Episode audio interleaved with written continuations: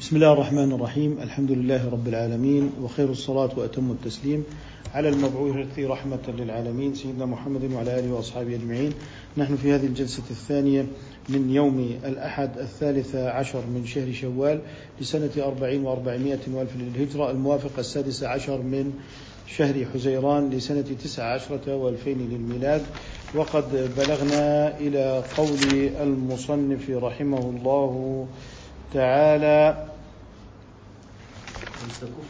ولتكف يدك. عما لا يحل لك من مال. تفضلوا دكتور عماد. ولتكف يدك عما لا يحل لك من مال أو جسد أو دم ولا تسعى بقدميك فيما لا يحل لك ولا تباشر بفرجك أو بشيء من جسدك ما لا يحل لك. قال الله سبحانه والذين هم لفروجهم حافظون إلى قوله فأولئك هم العادون. وحرم الله سبحانه الفواحش ما ظهر منها وما بطن وأن يقرب النساء في دم حيضهن أو نفاسهن. وحرم من النساء ما تقدم ذكرنا إياه. وأمر بأكل الطيب وهو الحلال فلا يحل لك أن تأكل إلا طيبا ولا تلبس إلا طيبا ولا تركب إلا طيبا ولا تسكن إلا طيبا وتستعمل سائر ما تنتفع به طيبا. ومن وراء ذلك مشتبهات من تركها سلم. ومن أخذها كان كالراتع حول الحمى يوشك أن يقع فيه. وحرم الله سبحانه أكل المال بالباطل ومن الباطل الغصب والتعدي والخيانة والربا والسحت والقمار والغرر والغش والخديعة والخلابة نعم. في قوله هنا ولتكف يدك عما لا يحل لك من مال بمعنى أنك تكف عن مال الغير فيما يتعلق بسرقة أو غصب. قال من مال كالسرقة أو جسد المباشرة كالفواحش والزنا أو ما يتعلق بالدم كإتلاف عضو لمسلم. قال ولا تسعى بقدميك بقدميك والمشي للمحرمات فيما لا يحل لك. ولا تباشر بفرجك أو بشيء من جسدك ما لا يحل لك. هنا تأكيد على ما كان داخلا في العام سابقا وهو النهي عن فاحشة الزنا. قال الله سبحانه والذين هم لفروجهم حافظون إلا آه، على أزواجهم أو ما ملكت أيمانهم. اذا آه، إلى أن قال فأولئك هم العادون. اذا هذا فيه تحريم المتعة وتحريم المتع غير الجائزة شرعا. وتحريم الاستمناء وتحريم اللواطه وما إلى ذلك. قال فأولئك هم العادون أي الذين اعتدوا على الحق الذي قرره الشارع. قال وحرم الله سبحانه الفواحش ما ظهر منها. طبعا المحرمات سواء كانت ظاهرة وما بطن من ظاهرة من الأعمال من الأعمال الظاهرة كالقتل والسرقة والقمار أو كان ما بطن كالشرك والحقد والكراهية وما إلى ذلك. قال وما بطن وأن يقرب النساء في دم حيضهن. فيحرم أن يقرب النساء في حيضهن إلا ما كان فوق السرة ودون الركبة والحائض كالنفساء في قوله أو نفاسهن. وحرم من النساء ما تقدم ذكرنا إياه. إذا آه، ما تقدم مما ذكره من المحرمات الأمهات والبنات والخالات والعمات وهكذا. وأمر بأكل الطيب. الطيب ما لم يتعلق به حق الله ولا حق العباد. بعض الناس يتفكر إنه اللي هو الطيبات والخبائث تتعلق بالاستقذار من عدمه. ليس الأمر متعلقا بالاستقذار من عمله. فما يستطيبه فلان لا يستطيبه فلان. ربما فلان لو أكل هذا الطعام تقيل. فإنه لا يستسيغ. تقول هذا طيب وهذا خبيث باعتبار ما تستلذه أنت وما لا يستلذه غيرك. الطيب هو ما لم يتعلق به حق الله ولا حق العبد. فالخمر تعلق به حق الله في التحريم. فلا يجوز لك شربه ولو اشتراه بماله. طيب ما تعلق به حق العبد اللي هو المسروق أو في حال الغش. إذا ستجد أن رغيف الخبز من حيث هو لا ننظر إليه أنه طيب من عدمه بمعنى ما حل لنا أو ما حرم علينا. فإذا سرقت الرغيف فهو خبيث. إذا أخذته بطرق باطلة رشوة فهو خبيث. فإن أخذته بمال حلال فهو طيب. إذا الخبث والطيب ليس متعلقا بعين الشيء. كما قلنا إن الحسن والقبح ليس متعلقا في الكذب نفسه وإلا لما حسن مرة وقبح مرة. فإنما الحسن في الأشياء مما حسنه الشرع فيها والقبح مما قبحه الشرع فيها. فهذا الرغيف إن أخذته بسبب حلال كالبيع والهبة فهو طيب. فإن أخذه برشوة فهو خبيث. أما أن تقول والله بعض المأكولات هذه خبيثة وذاك إلى ما إلى ذلك فنقول لك إنه حرام. نقول عن الدخان حرام وإن كان يستطيبه البعض. يعني إذا أردت أن تجعل الأمر من حيث استطابه فلان ولم يستطبه فلان فنقول لك ليس الأمر كذلك. فها هو المدخن يستطيب التدخين. وبناء عليه نقول الدخان خبيث لأن الشرع حرمه. شوف كلامه قال وأمر بأكل الطيب وهو الحلال فلا يحل لك أن تأكل إلا طيبا. إذا عرف الطيب بالحلال. طيب ما هو الخبيث هو الحرام إذا مرجع تحديد الخبث طبعي أم شرعي؟ شرعي. الطيب مرجعه طبعي أم شرعي؟ فربما الإنسان يستق يعني يستقيء الدواء المر. نقول هذا خبيث لأنه عافته النفس. إذا قضية ليست مما عافته النفس أو لم آه، تعافه النفس. قال ولا تلبس إلا طيبا يعني يكون لباسك من مال حلال. ولا تركب إلا طيبا. بعض الناس يقصر اللي هو الحرام على الأكل يعني يقول لك أنا عندي مال حرام لا آكل منه لكنني أشتري منه الملابس وأدفع منه أجرة البيت وأشتري سيارة. نحن في قولنا نقول إن هذا معنى ظاهري لا يجوز. في قوله ولا تأكلوا الربا ولا تأكلوا أموالكم بينكم بالباطل إنما عبر بالأكل عن أشد الحاجات. عن إيه؟ أشد الحاجات.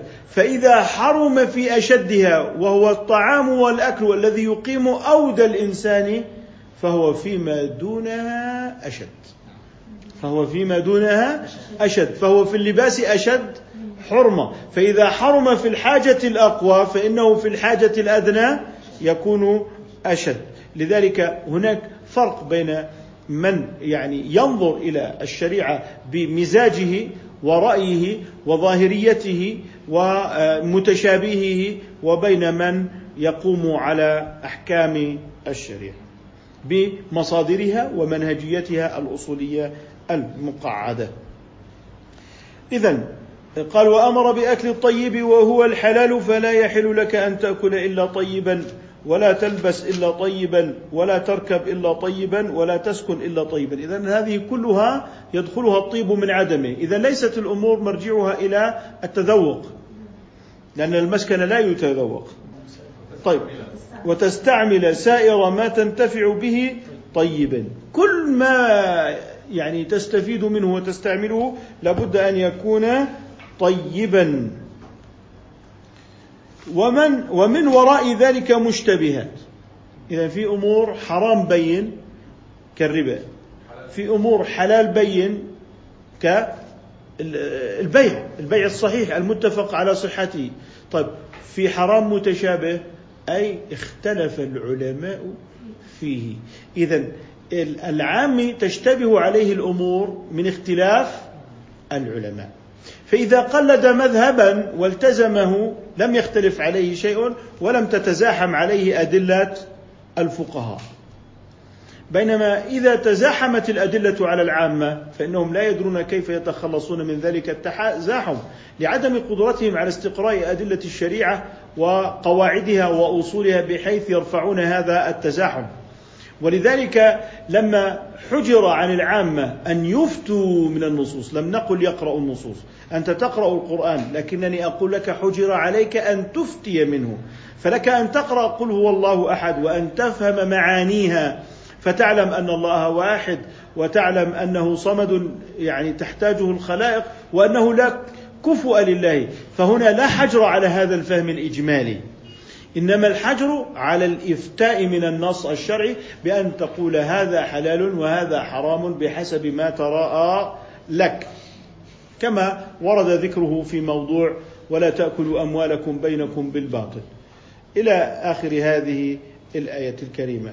اذا أو آه، ويحل لهم الطيبات ويحرم عليهم الخبائث. اذا يتكلم عن أن الطيب اللذيذ والخبيث غير اللذيذ فما بال الأدوية ذات المرارة الواسعة أو المرارة الشديدة؟ طيب إذا هنا يريد أن يبين لك أن هناك أمورا مشتبهات اشتباه الحرام اشتباه الحرام للعام من اختلاف العلماء. لأن العامية لا ينظر في الأدلة إنما ينظر إلى اختلاف العلماء. يعني مثلا المرابحة الآن. المرابحة المصرفية المركبة. مشتبهات لكنها يعني تكاد تقترب إلى التحريم لكنها بقيت في دائرة الاشتباه بقيت في دائرة الاشتباه. أما البيع النقدي لا شرك لا شيء فيه. بيع المؤجل بيع التقسيط لا شيء فيه. إذا عندما يعني آه، يعني يختلف المذهب المعتبر عن آخر كما هو الخلاف بين المذاهب المعتمدة. عندئذ نقول إن هذا الخلاف يعد سائغا. طيب هل يعتبر تحريم الربا أو إباحته الفائدة البنكية من المشتبهات؟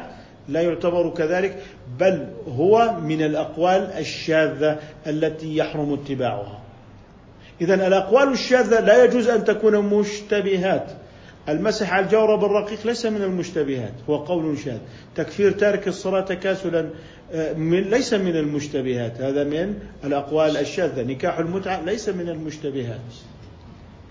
آه، آه، مثلا الصلاة الصلاة في بلاد السفر المغربة بدون يعني مراعاة وقتها وبدون مراعاة عدد ركعاتها بمعنى أنه يجمع ويقصر هذا ليس من المتشابهات.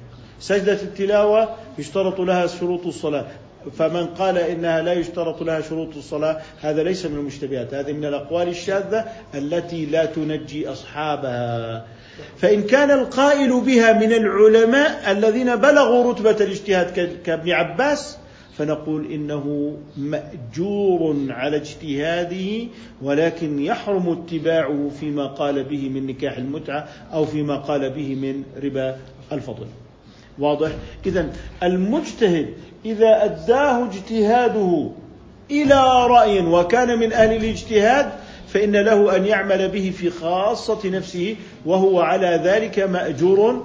وهذا في المجتهد المعتبر كابن عباس رضي الله تعالى عنه وأرضاه. أما من يدعي الاجتهاد اليوم وخالف الأمة وفارقها في اجتهاد في اجتهادها ويعني خرج عن أقوالها فنقول له إنه أولى بأن يلزم جماعة المسلمين وحول أقواله إلى فتاوى ودعمها بالنشر الإعلامي مع الأسف فنقول له ارجع آه، عن هذا فإن الأمة الآن أصبحت في وضع لا يحسد عليه بسبب هذه الأقوال الشاذة التي لو أحصيتها في الصلاة وحدها لوجدت كما هائلا وكبيرا. فلذلك أن تجد من آه، يكفر بترك الصلاة ثم يقول لك لا تقضي الصلاة الفائتة. طب ما أنت كفرت بها.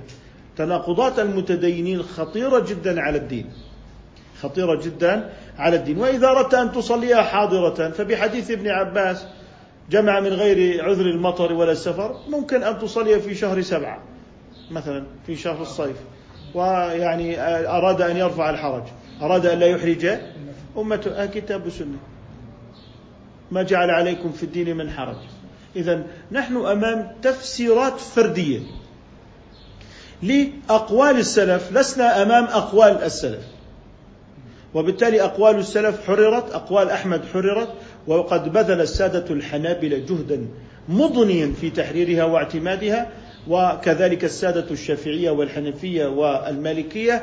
وهذه هي تفسيرات الأمة لأقوال أئمتها لم تتركها يعني آه، سداحا. مداحا لمن شاء إنما حررتها. إنما نحن أمام إشكال. تفسير معاصر من قبل أشخاص معاصرين لأقوال السلف. نحن مع التفسيرات التي اعتمدتها الأمة والتقريرات التي اعتمدتها الأمة لا مع التفسيرات المعاصرة التي تقفز عبر آلة الزمن.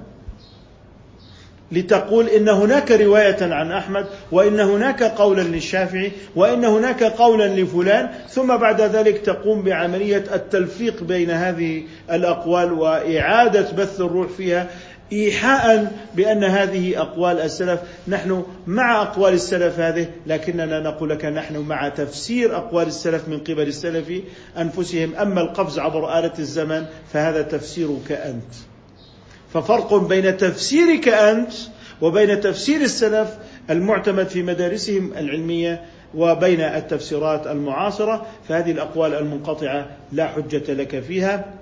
والتزم بما التزمته الأمة من أقوالها الدينية كما عبر سيدنا الإمام الشافعي إن لزوم الجماعة هو فيما حرمته الأمة وفيما أحلته الأمة وفي أقوالها الدينية. ولذلك قال وذكر ما ضعف ليس للعمل إذ ذاك عن وفاقهم قد انحضل بل للترقي في مدارج السنة ويحفظ المدرك من له اعتناء. بمعنى أنك تريد أن تقرأ في الأقوال المنقطعة لتعرف أدلة العلماء والفقهاء. ليس للفتوى. لا تحول هذه إلى فتاوى فتأتي بأقوال ابن حزم في قضاء المرأة وتوليتها القضاء فتأتي بقول ابن حزم وتأتي برضاع الكبير وتأتي بمثل هذه الأقوال وتقول إنها أقوال السلف. نقول لك إن العبرة فيما قاله السلف أما ما هجره السلف فهو ليس سلفا.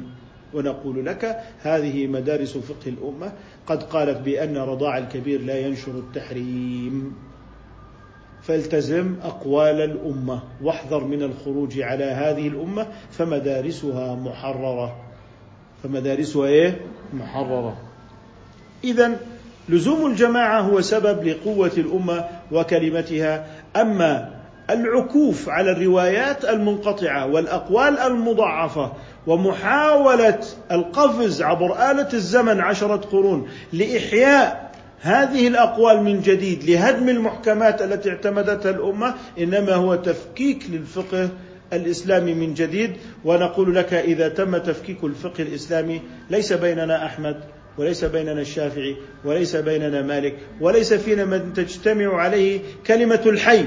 ليس كلمات المسلمين ليس كلمات المسلمين. فقد فرقت هذه الأمة في أقوالها الدينية لأن العبرة في جماعة الأقوال لا في جماعة الأبدان. اذا في قوله آه، أنك تأكل الحلال وتشرب من الحلال الفائدة البنكية لا تعتبر حلالا وإن قال بها بعض أفاضل العلماء إلا أننا نقول إنها أقوال شاذة. أقوال شاذة يحرم الإفتاء منها يحرم الإفتاء منها ولا يجوز ذكرها إلا للتحذير منها لأنها مصادمة للإجماع والقياس. ومعيار القول الشاذ أن يخالف واحدا من أربعة اللي هي إذا قضى حاكم يوما بأربعة فالحكم منتقض من بعد إبرام خلاف نص وإجماع وقاعدة كذا قياس جلي دون إيهام. هذا هو روح آه، أو هذه هي روح جماعة المسلمين التي إذا قويت توقفت يعني شبهات العولمة مع الأسف التي تريد أن تنفرد بمن يمسك هاتف الآيفون والسامسونج ومن يقف أمام الفيسبوك أنت أمام مستهلك المعلومة الفرد. أنت أمام عولمة أصبحت تملك المعرفة وليس فقط أنها تملك المعرفة بل إنها تملك وسائل نقل المعرفة. كمواقع التواصل كيوتيوب مثلا آه، تسيطر تقول لك هذا المقطع يصادم آه، حقوق الإنسان، هذا المقطع يثير الكراهية، هذا تأتي بمقطع عن القدس يقول لك محتوى عنيف لأن جنديا يقتل مسلما. ولذلك نرى هناك تحكما في المعرفة وتحكم في تقنية وصول المعرفة إلى الإنسان. فلان كتب كلمة على فيسبوك يخالف الشروط. إكس تأتيك دعاية فاضحة. حق. هذه حرية. إذا ما هو حرية؟ ما هو خادش للحياة؟ ما هو ضد المجتمع الذي يقرر ذلك حسب فلسفته هو من أنتج المعرفة وأنتج الفيسبوك وتويتر وما إلى ذلك. أحيانا آه، تكتب كلمة معينة تريد بحثا معينا فهناك تظهر آه، صفحات بحث كان ينبغي أن تتأخر في البحث لكنك تجدها متقدمة. اشتكت الشركات على آه، جوجل إنك أنت في بعض الشركات كان يقتضي بضمن الاحتمالات أن أكون أنا أظهر الاسم الأول لكن ظهرت شركة أخرى أمامي. ظهرت أنا في الصفحة الثانية وغالب الناس ربما يقرأ الأولى فقط ويتبع الصفحة الأولى. اذا أنت قمت بعمليات تحوير أدت إلى ظهور شركات سبقتني أمامي وهذا لأنه متعلق بالمال. أما بالفكر اكتب آه، مثلا آه، أحدهم قال لي في لي موضوع اللي هو محاضرة الحجاب. قال كل ما بكتب اسمك بيطلع عدنان إبراهيم. بيطلع بعدك عدنان إبراهيم أو بيطلع اللي هو صلاح أبو عرفه يعني بيطلع لك القول المناقض. يعني إذا أنت سمعت هذا الحق عليك أن تسمع هذا. طيب إذا طلبت هذاك أنا ما بطلع. طلبت فلان أنا ما بطلع. فإذا أنت بدك سمعت هذا الحق عليك أن تسمع الآخر. طب إذا سمعت باطلا فليس عليك أن تسمع الحق. معادلات دقيقة. ولذلك صنعوا المعرفة صنعوا تقنية المعرفة صنعوا تقنية ما سينبغي ينبغي أن تراه وما لا ينبغي أن تراه. ضمن فلسفة غربية. ضمن فلسفة غربية. إذا المعرفة الدينية يجب أن تتجه نحو لزوم الجماعة وليس نحو قداسة الشيخ. مذاهب أربعة متبوعة هي متبوعة ليست لتدرب على الترجيح والتشريح. هي متبوعة وهي معظمة والأمة تقضي في دمائها وأعراضها وأموالها على هذه المذاهب المعتبرة. لذلك علينا أن ننحو ب أقوالنا نحو الجماعة لا أن نفارق الجماعة بحجة حرية التعبير. الرأي والرأي الآخر عدم الحجر على العقول لكننا لا نرى منهجية مستقيمة تستقيم عليها هذه الفروع إنما هي إفتاء من دليل أو دليلين مع إهمال بقية الأدلة وأنها لم تراعي البحث الكامل الذي يؤدي إلى نتائج صحيحة وصادقة بل هي بحوث ناقصة. مع الأسف الشديد لم تستكمل عناصر البحث العلمي وهي في جميع أحوالها نزاعات فردية آه، ابتعدت عن الجماعة. بينما نجد أن الشافعية والحنفية والحنابلة والمالكية عندما يكتبون متنا فقهيا خلاصة فقهية بعد بحر التداول الخضم نجد أن هؤلاء القوم كان عندهم النزوع نحو الجماعة. فنزعوا نحو الجماعة فظهر مذهب الحنابلة مكتوبا بخط عريض هذا ما نفتي به الناس وبعد ذلك وإذا بجميع هذه الجداول الأربعة تصب في بحر أهل السنة والجماعة كلاها وكلا هذه المدارس أو كل هذه المدارس هي مدارس علمية. اذا موضوع الإسفاف في موضوع الرأي والرأي الآخر وإقحامه على الفقه الإسلامي وجعل أي خلاف هو خلاف يعني مقبول. هذا من ضمن محورة الفقه الإسلامي حول العولمة الغربية. محورة الفقه يعني أنه يكون المحور هو الفكر الغربي الرأي والرأي الآخر ثم أصبح الفقه الإسلامي يتمحور حول هذا المحور الكبير ومن ثم فقد خصوصيته وفقد استقلاله وعالميته. إذا هذه المتشابهات لا يعني أن كل خلاف هو معتبر. هذا المتشابه الذي يستحب لك أن تخرج منه هو في الخلاف المعتبر. أما الخلاف الشاذ فلا عبرة به واعمل على أنه عدم. ومثال الخلاف الشاذ كثير. إباحة الفائدة البنكية خلاف شاذ. تكفير ترك الصلاة تكاسلا خلاف شاذ. عدم قضاء الصلوات المفروضة خلاف شاذ. وهكذا. قال وحرم الله سبحانه ثم ذكر أن من وقع واستمر في الخلاف الشاذ قال ومن أخذها كان كالراتع حول الحمى يوشك أن يقع فيه. يعني هذا الخلاف المعتبر وين ما وجدته إنه هو ماخذ بالتيسير وين ما وجدته ماخذ بالإيه؟ بأنه حلال حيث كذا بعد قليل وإذا به أصبح على حافة الحرام. لذلك لابد أن يكون هناك حجاب بين العبد والحرام وهو أنه لا يقتحم المتشابهات. قال وحرم الله سبحانه أكل المال الباطل ومن الباطل الغصب. الغصب بينك وبينه عقد إجارة لمدة ستة أشهر. قال لك في الوقت المتفق عليه اخرج من هذه الشقة وسلمني إياه قلت له أنا يعني بأستطيع أني أنا أرفع قضية وأبقى في المنزل. هذا غصب. هذا غصب. تزوير ملكية سيارة هذا غصب. تزوير ملكية أرض هذا غصب. تهديد الناس أنه إذا لم تفعل ذلك فأنا سأخذ أرضك. هذا التهديد حرام وإذا أخذ فهذا غصب. قال والتعدي. التعدي على أموال الغير كسر زجاج سيارة. إتلاف العيادات إتلاف مراكز صحية. أنت بدك تعمل مظاهرة؟ اطلع مظاهرة. لكن هذه العيادة ملك للمسلمين. دفعت فيها أموال المسلمين. عليك أن تصلح ما أفسدت. هذه دماء مسلمين. عليك أن تصون هذه الدماء. والخيانة إنك تخ... أنه يختلس. الاختلاس خيانة. قال والربا والسحت والقمار. والربا والسحت والقمار. الربا معروف. اللي هو قرض إقراض مال بمال لأجل مع زيادة في ذلك الأجل. والسحت اللي هو ما فيه الهلاك وهو أيضا كلمات فيها ترادف والترادف معناه ليس مطابقة الكلمة للكلمة فتجد السحت بمعنى الهلاك والربا بمعنى الزيادة. لكن الربا هو من السحت هو من السحت والسحت ربا. فيجوز آه، الترادف بمعنى استخدام الكلمة مكان كلمة أخرى مثل إنسان وبشر وغيث ومطر. والقمار والغرر بيع ما فيه غرر اللي هو الآن الناس مثلا آه، تشتري بالات بسموها البالات مغلقة ممنوع تنظر. بيع سيارة مسروقة هذا من الغرر الغش وهو إخفاء عيوب إخفاء عيوب السلعة أو خلط الجيد بالرديء أو بيع الرديء على أنه جيد أو الجيد بيع الرديء على أنه جيد.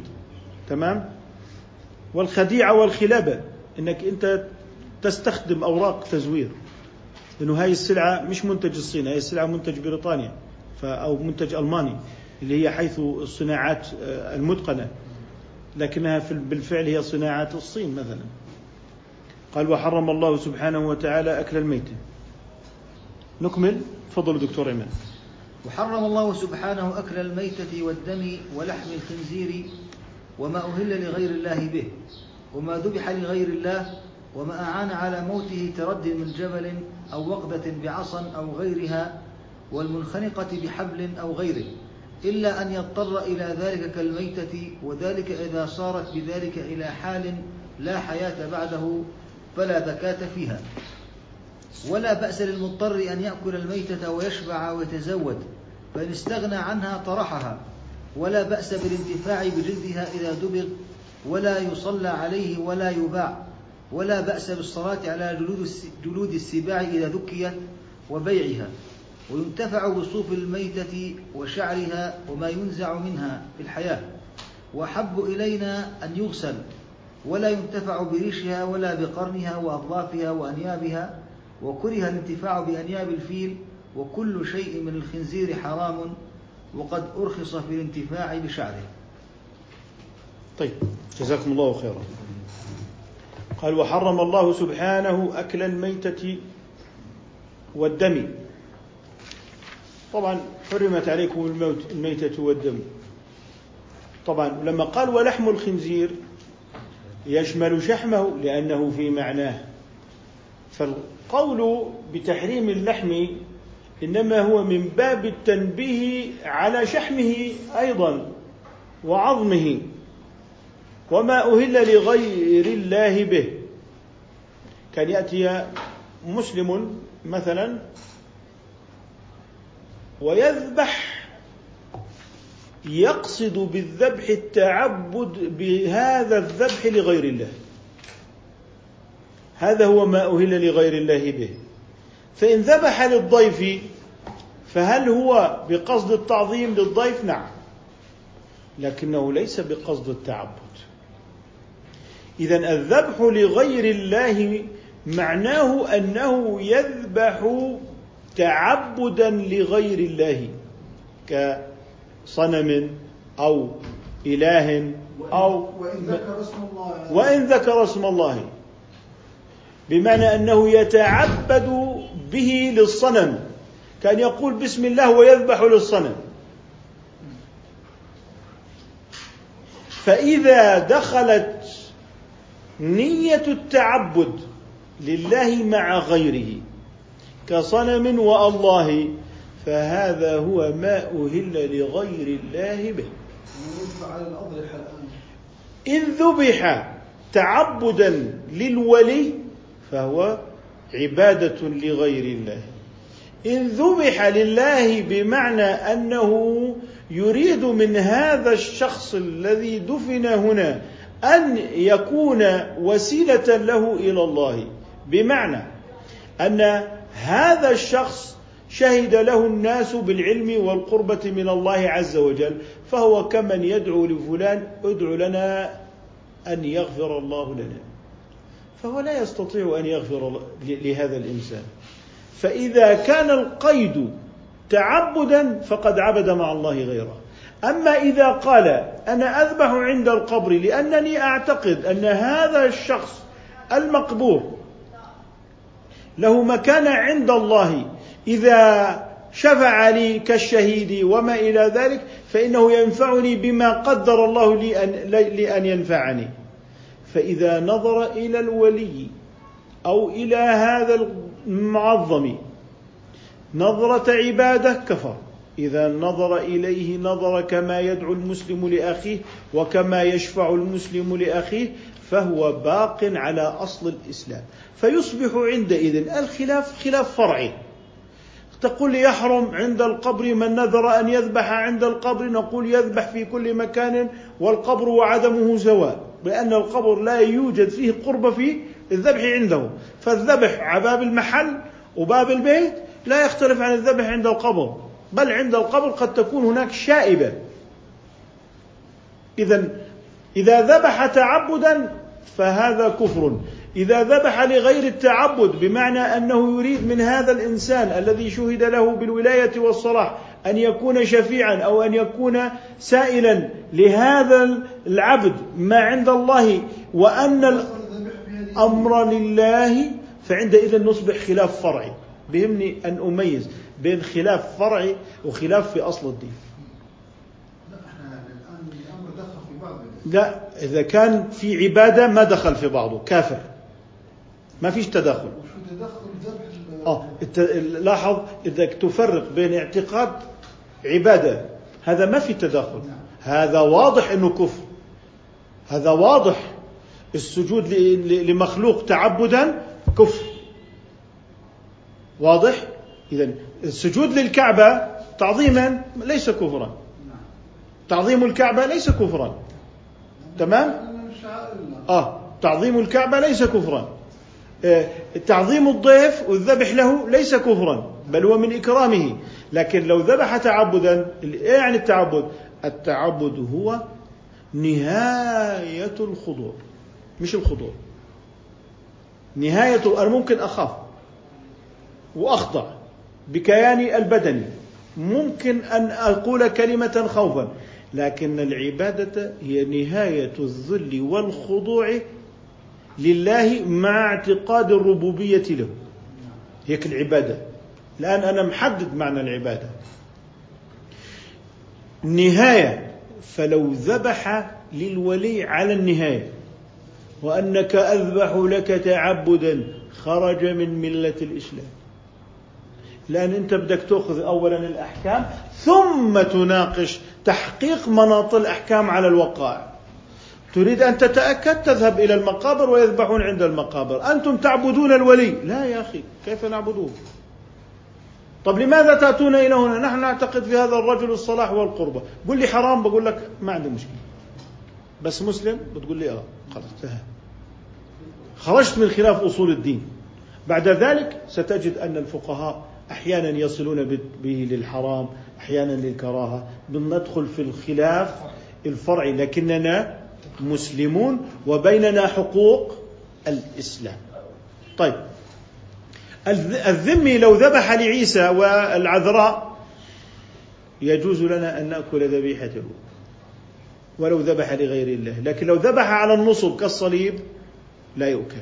إذا استثناء الذم من موضوع الذبح لغير الله فيما يتعلق كالمسيح أو العذراء أو ما إلى ذلك على سبيل الخصوصية له. لكن لو المسلم ذبح للمسيح لا يؤكل. لا يؤكل. إذا آه، علينا في موضوعاتنا الفقهية أن نراجع مصادر الفروع. أنه يعني أن تجد أنه الذبح لغير الله كفر الذبح لغير الله كفر الذبح لغير الله كفر. ثم بعد ذلك تناقش طلاب العلم لا يميزون بين الذبح التعظيم والذبح للعبادة. ثم بعد ذلك تجد القضية تأخذ منحى الكفر ثم إنتاج منتج فكري جديد عباد القبور. ما حدا من أمتنا أنتج هذا المصطلح. هو اسأله أنت افتراؤك عليه أنه يعبد القبر. قل له أنت تعبد القبر؟ يقول لك هذا سفه وطيش منك. أنا لا أعبد هذا. لكن العرب في الجاهلية كانوا يعبدون الأصنام. ثم بعد ذلك تجعل من يذبح عند القبر كمن يعبد الأصنام. ثم بعد ذلك تحد شفرتك وتذبح هذا المسلم وتسرق ماله على أنه غنيمة وتسبي نساءه على أنهن زبايا. وهذا اغتصاب باسم الدين. هذا هذا هذا اغتصاب هذا. هذا اسمه سلب مسلح. إذا أنت أنتجت منتج فكري عباد القبور من عندك هو لم يقل كما كانت العرب تعبر عن نفسها بأنها بأنهم يعبدون الأصنام ليقربون ليقربوهم إلى الله زلفى. إذا هذا مصرح بالعبادة هذا ينفي أن يكون عابدا. آه نفى العبادة. طب لماذا تذبح؟ أعتقد في هذا الولي اعتقادا كذا أنه يعني له كلمة عند الله مقربة وأنه لا يؤثر في إرادة الله كما تؤثر الأصنام. فالله هذا الرجل له مكانة في الصلاح وأن مكانته من حيث تقواه من الله. هذا أنا بحكي لك بالخلاف الفرعي الآن. ما بتكلم بالفرع اللي هو أصول الدين. ما بتكلم بفرع من فروع أصول الدين. بتكلم بفرع فقهي بأنه يحتمل الحرام يحتمل الكراهة يحتمل الخلاف الفقهي لكنني أنا أريد أن أنجو بالمسلمين من الاستهتار بالشهادتين وافتراء آه، على المظلوم والمدعى عليه دون بينة. أنت أنت الآن انتجت منتج عباد القبور. هذا منتج عباد القبور هو لم ينسبه إلى نفسه. لكن هذا المنتج كان مناسب للتهيئة فيما بعد لأن يحد سلاحه ثم ينقض على المسلم معصوم الدم. فيسفك الدم باسم الدين والتوحيد ثم آه، يعتدي على أعراض المسلمات ويتخذون سبايا باسم إنه هؤلاء كفار ثم بعد ذلك يسلب أموالهم ويجعلها آه، ويجعلها غنائم ثم بعد ذلك حركة إصلاحية. حركة إصلاحية. بأي حق كفرت عامة المسلمين؟ إذا آه، عندما نقول أنه آه، فيما يتعلق بهذه المحرمات وما أهل لغير الله به هناك مصادرنا الفرعية موجودة والحمد لله وكثيرة والحمد لله ومتيسرة في كل مكان تريد أن تبحث في الكفر والإيمان. ارجع إلى مصادر أهل السنة والجماعة. واجعلها دراسة سابقة أيها المجتهد الجديد. وعرفنا كيف يمكن أن تناقش من سبقوك. لا أن تأتي فتعزل هذه الكتب وتقول هذه كتب غير صالحة هذه فارقت الأدلة هؤلاء خالفوا الأئمة فتلقيها عن يمينك جملة. ثم بعد ذلك تريد أن تنتج فكرا جديدا لكن ما أتيت به كان وبالا على المسلمين. قد آن لك أن تعود وقد آن لك أن ترجع وأن تثبت الإيمان للمسلمين. ليس الكفر آه، يعني شيئا فرديا. من كفر وعندنا من الله فيه بينة فعلينا أن نحكم بكفره وجوبا. لأن الفوارق بين الكفر والإيمان يجب أن تبقى واضحة. لكن التكفير بالشبهة ليس من شأن أهل السنة والجماعة. التكفير فيما هو معلوم من الدين بالضرورة. ومن هنا استطاع أهل السنة أن يحموا قاعدة الإسلام في المجتمع الإسلامي السني. أما اليوم فنحن منذ بداية رمضان ونحن نحاول ونسعى في حماية المجتمع الإسلامي من التكفير بترك الصلاة وأن هذه الفتوى لها قيمة وليست شاذة بمعنى أنها معتبرة. طيب اذا هي معتبرة. اذا هذا قول فيه أجر. وإذا قلدناه وكفرنا بقية المسلمين نحن مأجورون. إذا أنا أصبحت الآن قاعدة المجتمع الإسلامي لم يعد هناك أي اعتبار لجماعة المسلمين لم يعتبر هناك إجماع أهل السنة والجماعة في أن التكفير لا يكون بالذنوب بل يكون بجحود وعناد معلوم من الدين بالضرورة. وأصبحنا أمام الرأي والرأي الآخر في الكفر والإيمان. واصبح الشاذ هو من باب الرأي الذي يجب أن يحترم وهذا هو جوهر العولمة في تحويل الفقه الإسلامي بإخراجه من تدين الجماعة ولزوم الجماعة إلى حالة المتدين الفرد حتى بالكفر والإيمان الذي يقف على أعتاب العولمة الذي يقف على أعتاب العولمة في المتدين الفرد والمالك الفرد. إذا هذا رأيك بفائدة البنك أنها حلال وهذا رأيك ببقاء المرأة المسلمة تحت زوجها الكتابي وله ما لها ما للزوج من زوجته ولك أن تفعل كل هذا وبعد ذلك هذا هو الرأي والرأي الآخر. إذا نحن نكون قد قمنا بتفكيك الجماعة تفكيك الأقوال المعتمدة التي كلفتنا قرونا وجهودا وإعادة الرأي والرأي الآخر للتدين الذي يتناسب مع فكر المتدين في الفضاء الاجتماعي الذي يأخذ ممن يشاء ويدع ممن يشاء ويترك من يشاء. اليوم في دين بكرة في دين آخر. اليوم كان كافرا غدا مسلم. اليوم مسلم غدا كافر. لم يعد يثبت لنا ايمان ولا كفر طيب قال وما أهل لغير الله به وما ذبح لغير الله وما ذبح لغير الله. وما أعان على موته تردد. بدأ يتكلم عن الموتى. تردد من جبل أو وقذة بعصا اللي هو مثل اللي الصيد الآن أحيانا يصاد بكرات حديدية غير مدببة فتؤدي إلى القتل بالردة بالردة هذه لا تعتبر صيدا. لا بد أن يخرق.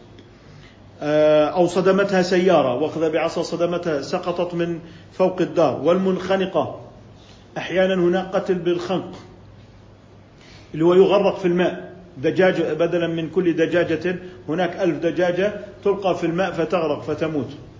هذا مما يعني يحدث في بعض البلدان غير الإسلامية. والمنخنقة بحبل أو غيرها إلا أن يضطر إلى ذلك كالميتة. إذا المضطر اللي هو في مخمصة هلاك. فإن اضطر إلى هذا فله أن يأكل. طبعا بشرط أن لا تكون قد بلغت من النتانة بحيث تهلك جسده. يعني هذا شرط. يعني الميتة ليست شيئا مستقذرا. يعني ممكن أن تكون توضع أمام اللي هي محلات السوق وتوضع ولها جمال ورونق لكنها ميتة. ولا تكون مؤذية صحيا. وذلك إذا صارت بذلك إلى حال لا حياة بعده فلا زكاة فيها. هل تفيد الزكاة فيما بقي فيه نفس؟ تفيد فيه الزكاة بحيث لو ترك عاش حياة مستقرة لو ذبح حركت يده تحركت يده تحركت يده انتفض آه هذا يفيد. طيب فإذا كانت هي بلغت حد السياق يعني هو ميت. تركته هو بده يموت فعندئذ نقول إن الزكاة لا تفيد. إن الزكاة لا تفيد. لا تنفع لأنها ميتة. وربنا سبحانه وتعالى قال حرمت عليكم الميتة فهي لم تمت من الذكاء إنما ماتت من الرضة فالذكاة لا تفيد فيها. الذكاة لا تفيد فيها. قال ولا بأس للمضطر أن يأكل الميتة ويشبع ويتزود. فإن استغنى عنها طرحها. ولا بأس بالانتفاع بجلدها. إذا دبغ. الآن أيما إهاب دبغ فقط طهور. هذا عام. لكننا قلنا إن الاجتهاد هو جمع بين الأدلة. جمع بين الأدلة.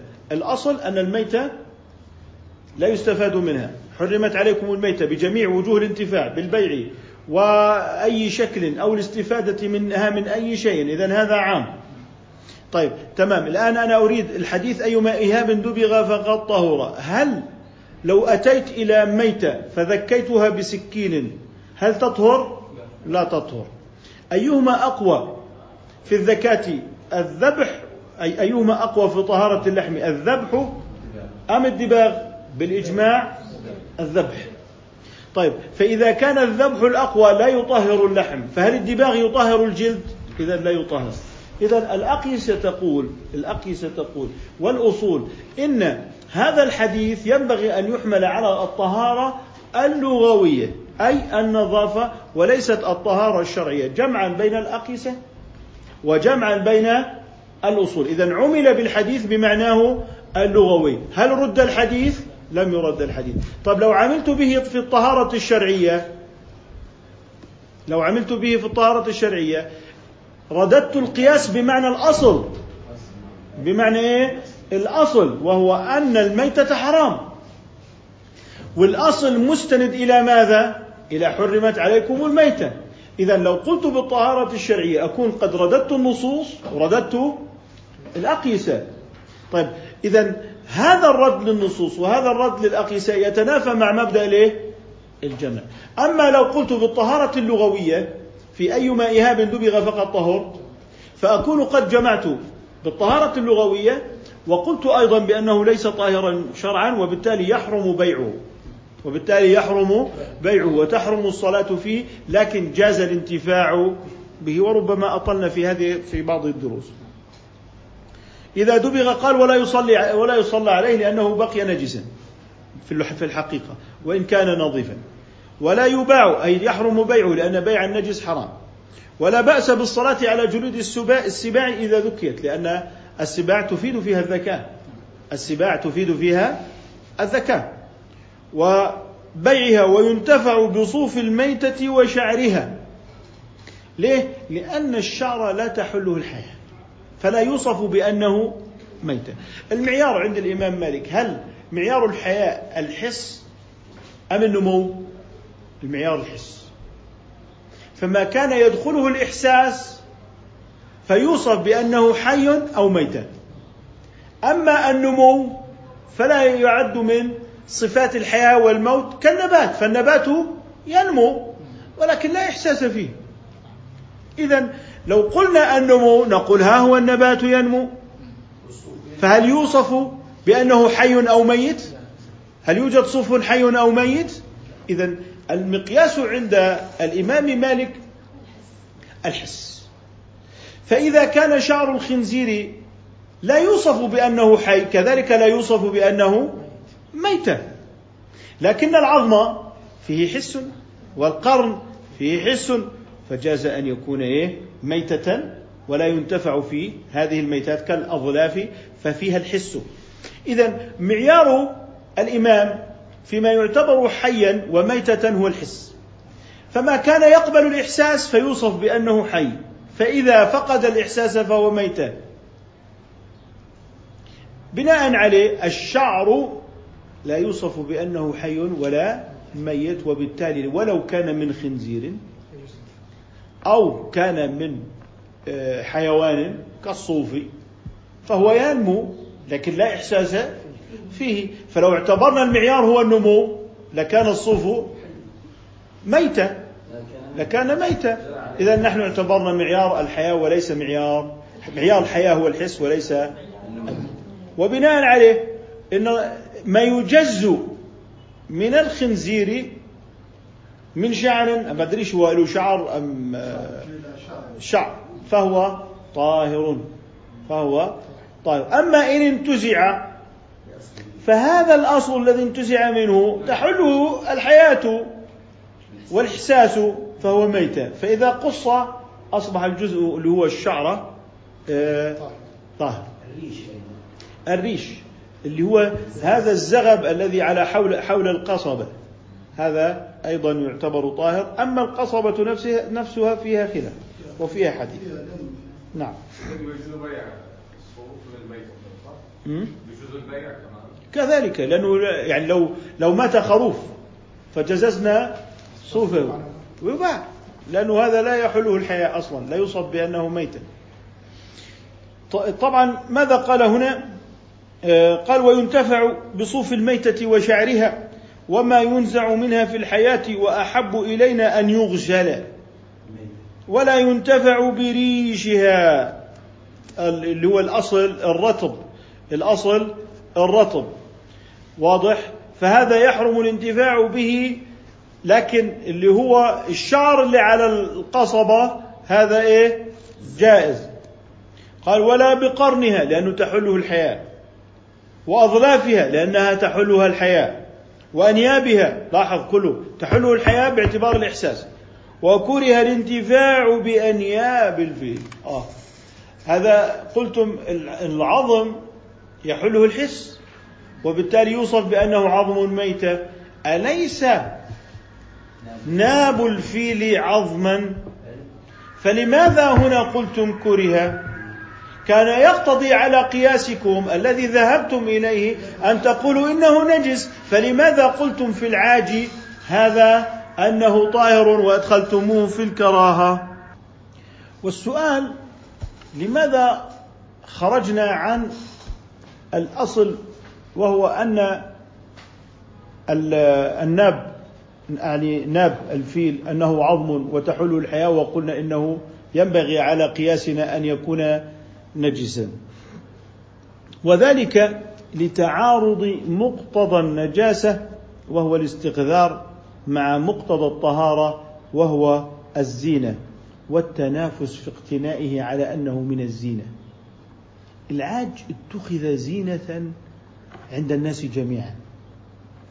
يضعون فيها العطر ويضعون ويصنعون منها السبح ويصنعون ويتفاخرون في التنافس فيه. بينما نرى إن سمة النجاسة الاستقذار. سمة النجاسة إيه؟ الاستقذار. أما العاج فإن صفة الاستقذار فيه غير موجودة بل على العكس هو التنافس في الاقتناء وعلى أنه من الزينة. فهذا الخروج عن مقتضى النجاسة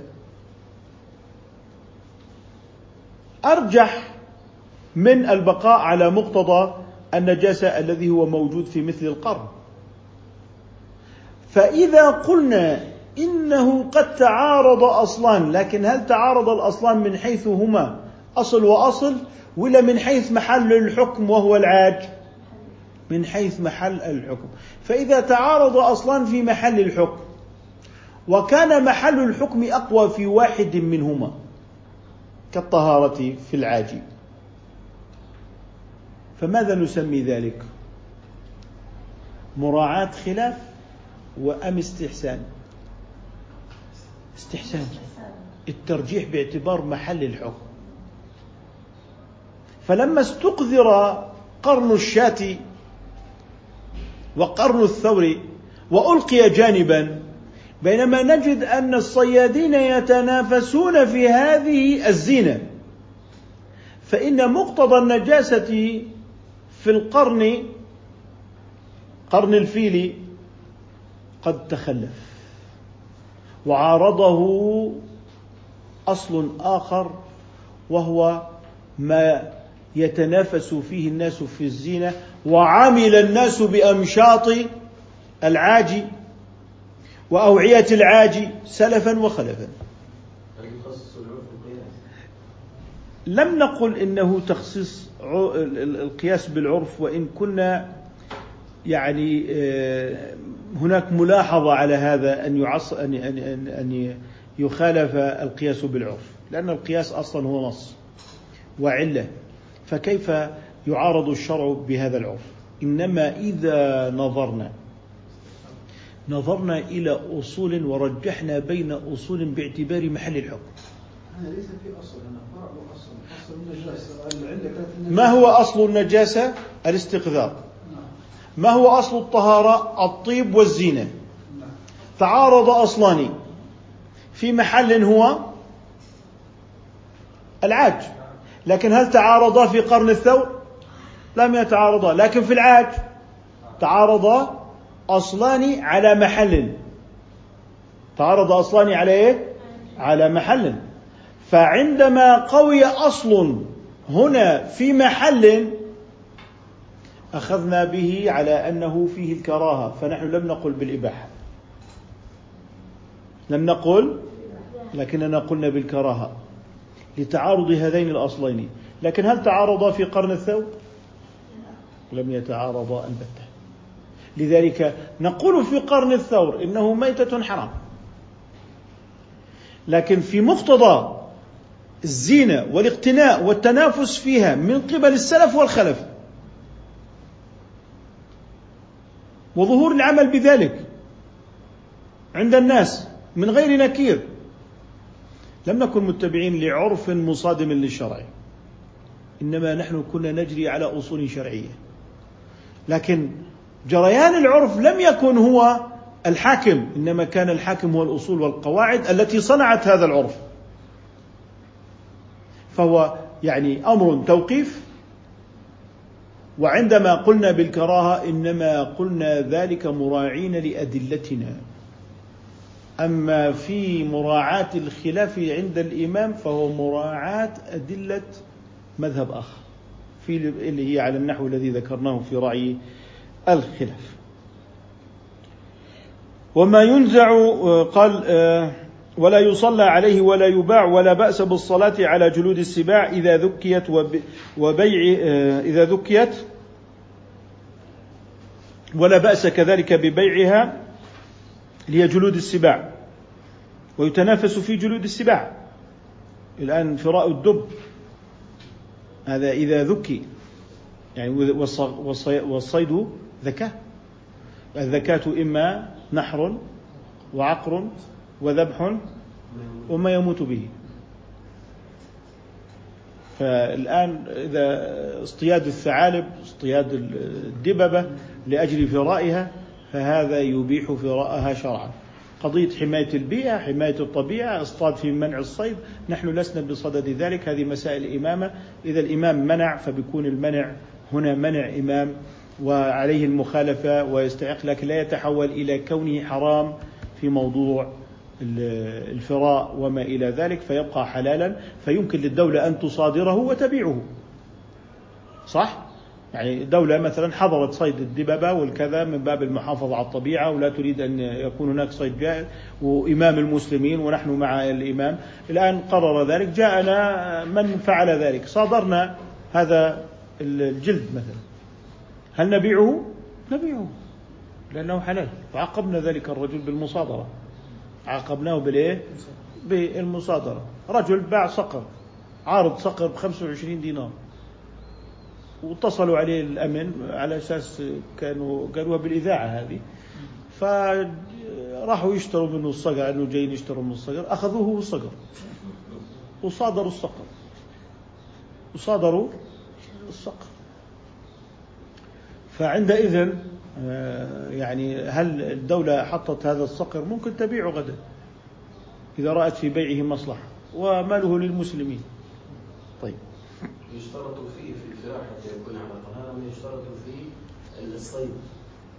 لأن إذا كان مثلا بالمكلفين أو كذا بالكلاب أو يشترط فيه في التسمية في وقت الرمي في كل طبعا. في الصيد. ما يشترط في الصيد. كل شروط الصيد بحيث ينطلق من يده وأن ينويه. نعم. يعني إذا ذهب دون نية فلا يعد صيدا.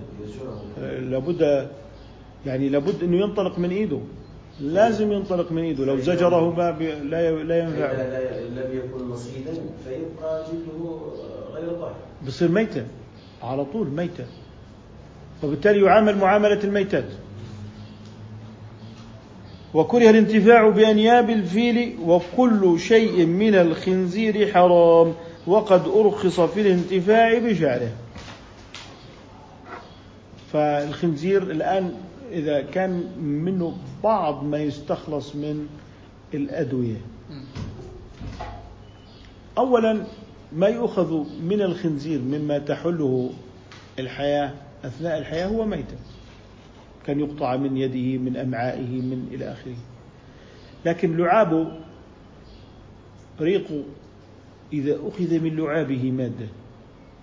لعابه طهر عرقه طهر ما من عادة من الأمعاء الأمعاء ماذا أخذوا؟ إذا أخذوا من أمعائه. إذا أخذوا مادة كالسوائل من قطعة من المعدة؟ لا. لا هي بعضها بعضها يؤخذ. طيب خلينا إحنا نقول الآتي. ما كان من أعضائه ولحمه وعظمه وجلده أثناء حياته وكل ميتات طيب بعد موته كل ميتات بما فيه من لبن ال- مثلا أو ما إلى ذلك. أثناء الحياة لعابه طاهر. لأنه هو هو حي طاهر. عرقه طاهر. عرقه طاهر. وبالتالي إذا أخذ من لعابه أو من سوائله واستفيد منها فهي طاهرة واستفيد منها فهي جواز؟ طاهرة. لها حكم الطهارة الشرعية. وبناء عليه في اتساع في الموضوع الطبي. فيه سعة ونحن بذلك نقول إن هذا من عفو الله من الخلاف الذي هو إيه؟ معتبر. نكتفي بهذا القدر إن شاء الله تعالى. سبحانك اللهم وبحمدك نشهد أن لا إله إلا أنت نستغفرك ونتوب إليك.